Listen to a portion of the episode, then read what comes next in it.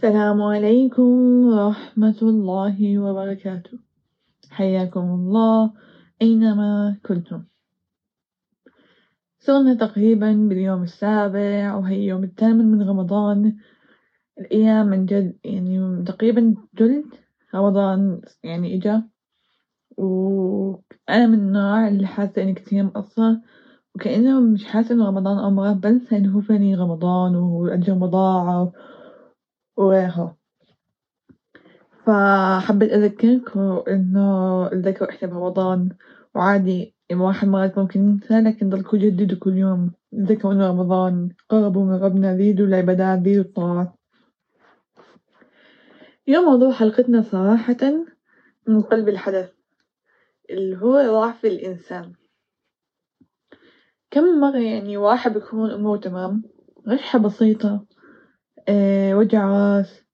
أو حتى ممكن جدًا إشي بسيط والإنسان خلاص طول اليوم مو قادر يعمل إشي، قديش الإنسان ضعيف حرفيًا، الإنسان يعني هال بهالتكوين العظيم ربنا أي خلل بيصير خلاص الإنسان ما بيقدر ما بيقدر يكمل حياته طبيعي، رشحة بسيطة.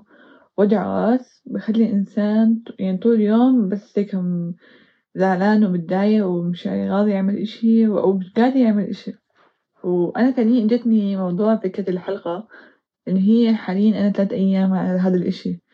إنه شوي تعبانة وعن جد لا قادرة أعمل بودكاست ولا قادرة أسجل ولا قادرة أدرس ولا قادرة حتى إنه هيك أقعد أصفن إنه أسوي مثلًا هواية أو إشي. إنه خلص يعني لا قادرة أسوي اللي علي ولا قادرة أنبسط بنفس الوقت، سبحان الله المرض عن جد باحس غير الأجر. غير إنه هو يعني واحد إذا صبر على البلاء إنه الواحد إله أجر إلا إنه هو كمان إله حكمة إنه ربنا يذكرنا إن إنت إنسان ضعيف. إنه إنت لولا ربنا ولا إشي، فموضوع الحلقة اليوم راح أجمع ثلاث أشياء. أحكي عن ضعف الإنسان وأحكي عن المرض وأحكي عن التكبر أو الكبر. تمام، ليه جبت هدول الثلاث مواضيع مع بعض؟ لإنه الواحد لما يمرض بيحس حاله ضعيف. لما الواحد يمرض بمرضى بسيطة ويحس حاله ضعيف فلماذا التكبر بهالحياة؟ وإنت إنسان أصلًا إذا صارلك أي إشي بسيط حتكون ضعيف وما بتقدر تكمل حياتك، عشان هيك موضوع الحلقة راح يكون يعني دامج هدول الثلاث مواضيع تمام، بسم الله نبلش، زي ما حكينا أي مرض أي إشي بسيط بيصيب الإنسان فالإنسان ما بيقدر يكمل حياته زي ما كان قبليها بيوم، إلا ما يكون في خلل بيومه. تعبان تفكيره مش إيجابي إشي معين مو قادر يعمله، هون بنعرف إن الإنسان هو عبارة عن ولا إشي، يعني إنت بهالكون فعليًا ولا إشي، وال وشعورك إنه إنت حدا عظيم وإن إنت حدا كتير كبير بهالكون. هو فعليًا مجرد وهم هو مجرد تخيل هو إشي مش حقيقي، فدايمًا لما تحس بشعور التكبر هلأ أنا ما بنكر إنه ممكن الواحد بعد ما يحقق إنجازات معينة بيجيه من جوا إحساس إن هيك إحساس مو بإيده مرات إنه ياه يا أخي والله أنا حدا ما شاء الله عليه ناجح وعامل واحد اثنين ثلاث.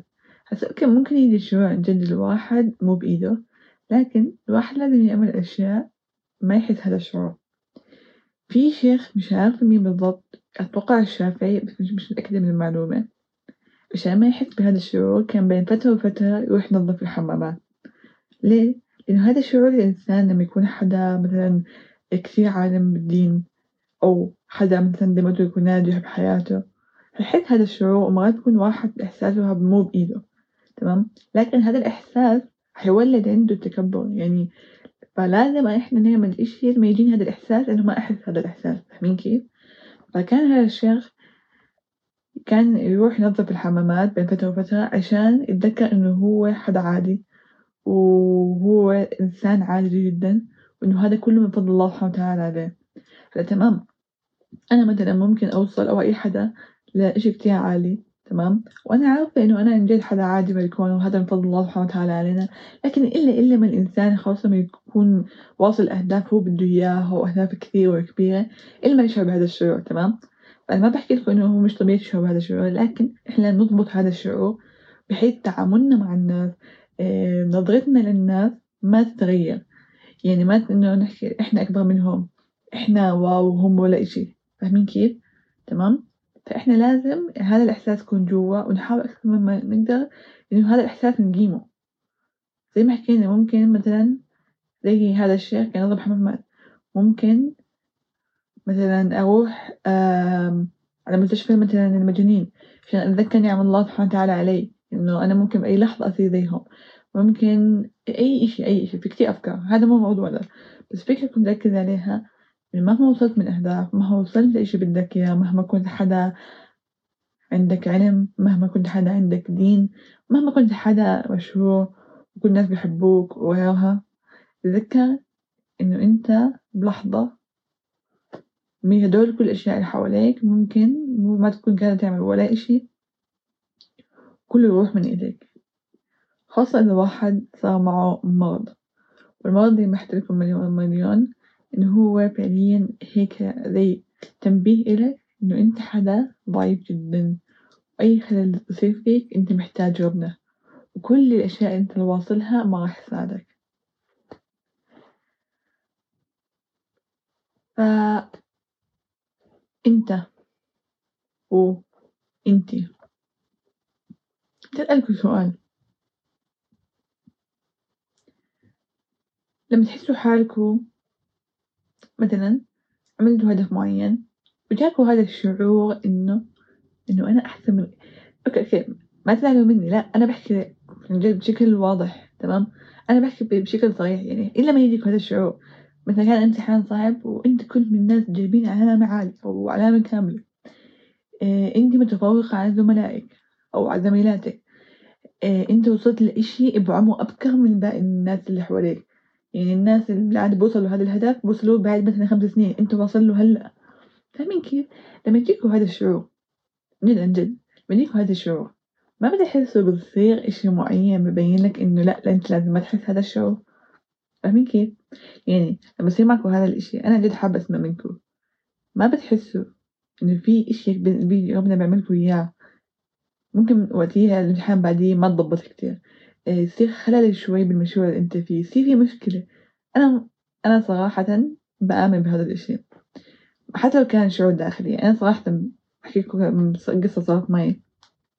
كان عندنا امتحان جامعة بداية الجامعة أول سنة. امتحان هدول العربي إنجليزي امتحانات المستوى. صراحة أنا كنت داخلة على هما تلات امتحانات حاسوب وعربي إنجليزي. كنت داخلة على امتحان العربي إنه إيش؟ إنه هذا يعني شو ما أنجح فيه. هذا أكيد بنجح فيه. والحاسوب كنت ها نص نص.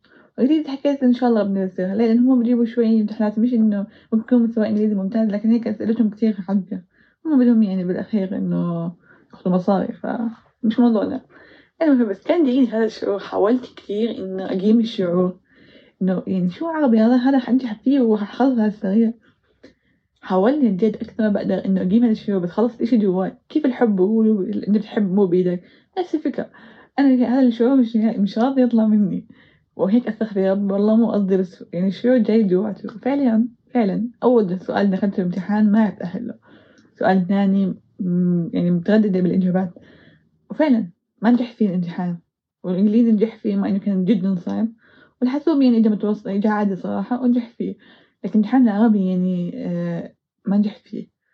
فهيك لما طلعت من الامتحان. رحت عند حدا من أهلي باحكي لهم إنه هيك هيك هيك إنه عن جد ما كان إشي بإيدي لكن إجاني الشعور فأخوي بتذكر حكالي حكالي حتى لو إجاك الشعور فخلص هذا يعتبر كأنك إنتي عن جد متكبرة حتى لو ما بينتي للناس لكن إجاك الشعور فباحكي له إنه طب إيش أسوي بهيك حالي؟ يعني جد ما قدرت يعني شعور مو قادرة باحكي لي إنه ما بعرف يعني بس هو لازم أكثر أكثر ما تحاولي إنه ما يجيك أصلًا هذا الشعور.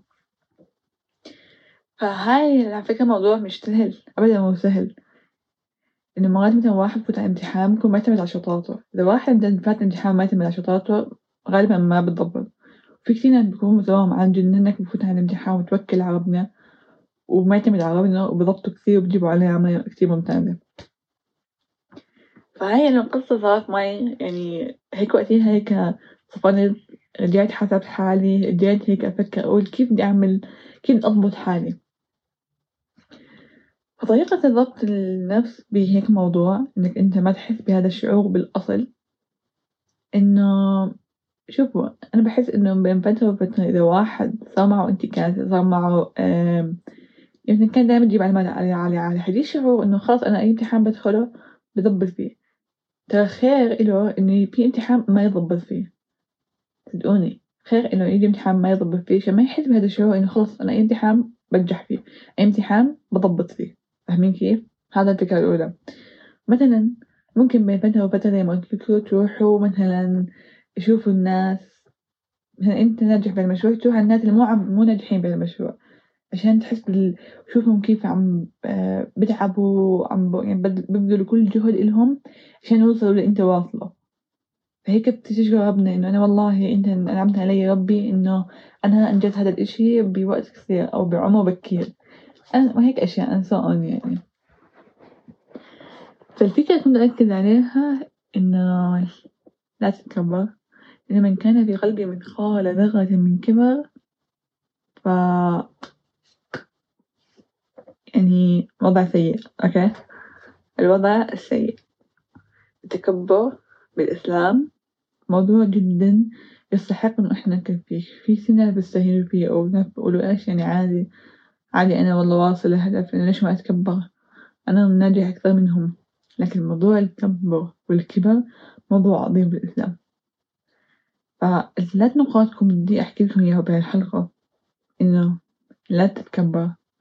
وحاول افهم تاني ما يجيك هذا الشعور، لما يجيك هذا الشعور بادر بسرعة تعمل أي إشي يقيم لك الشعور، بادر بادر لا تخلي الشيطان يسيطر عليك لا تخلي هذا الشعور يسيطر عليك، ثانيًا تتذكر إنه أنت مهما كنت واصل للأهداف مهما كنت قوي بدنيًا عقليًا علميًا دينيًا بلحظة كل الأمور تتغير. بلحظة اللحظة بركز أكثر إشي بفكرة المرض، المرض ده كل ما ترشح تضلك أسبوعين أسبوع بس عشان تطلع من هالرشحة، وتكون هذا الأسبوع جدًا صعب عليك وهي بس من رشحة ما بالك بباقي الأمراض، فالحمد لله نعمة الصحة الحمد لله إنه ربنا منعم علينا إنه إحنا نقدر نعمل هاي الأهداف نقدر نقوم نقدر نقدر نقدر نقدر. هاي كلها من نعم الله سبحانه وتعالى علينا، ثالثًا تذكر إن أنت عبارة عن أقل من ذرة بهالكون، وكيف تتكبر وأنت أقل من ذرة بهالكون، يعني ربنا لما يجي يعني ربنا لما يشوف الكون اللي عامله اللي خالقه اللي صنعه. لسه مجرات أهم منه، يعني مجرات عالم جدًا كبيرة فأنت أنت ولا إشي. أنا وأنت وأنتي وهو وهي حرفيًا ولا إشي بهالكون، إحنا بنتكبر على شو؟ إحنا خلقنا من طين. فليه ليه نتكبر؟ على شو نتكبر؟ جينا عالدنيا هيك ورايحين من الدنيا هيك، بعدين زي ما جينا راح نختفي، زي ما نجحنا راح يروح نجاحنا لإنه إحنا مختفيين من هالدنيا، فليه يكون شعورنا إنه امتنان والحمد لله. وإن أنا مش أحسن من أي حدا، كل الناس زي بعض علميًا دينيًا عقليًا. إحنا سواسية، حتى أنا كنت أنجح من حدا عقليًا أو أنجح من حدا دينيًا أو عندي علم أكثر منه. لكن إحنا بالأخير سواسية، ما في بيناتنا إلا بالتقوى، التقوى هي المعيار الوحيد اللي ربنا بيفضل فيه عبد على عبد، أتمنى إنه حرفيًا ما ما تشعر بهالشعور لإن الشعور اللي تشعره بس إنك إنت أحسن من غيرك شعور سيء جدًا، شعور حتى إنت لما يجيك يعني لا يا رب جيب هذا الشعور مني، هو موضوع مو سهل على فكرة، يعني يمكن كتير ناس إنه بيقولوا معتبرين هالموضوع مهم لكن هو ش يعني مو سهل خاصةً زي ما قلت لكم يمكن أنتم مستمعين مو كتير حسيتوا فيه ويمكن أعماركم لسه بعمر بداية العشرين، لكن لما تكبروا شوي بحياتكم وتنجحوا وتوصلوا لأهدافكم إياها خاصة بعمر الثلاثين عمر الأربعين هون ممكن الواحد يبلش يحقق ويصير حدا ناجح وغيرها ممكن تحسي بهالشعور، بتذكر إنه مرة المليون إنه إنتي هتدغري بهالكون إنتي حدا ضعيف. وإنتي بأي لحظة ممكن يصير معك أي إشي وتبطل قادرة تعمل أي إشي، وبس والله دمتم في أمان الله.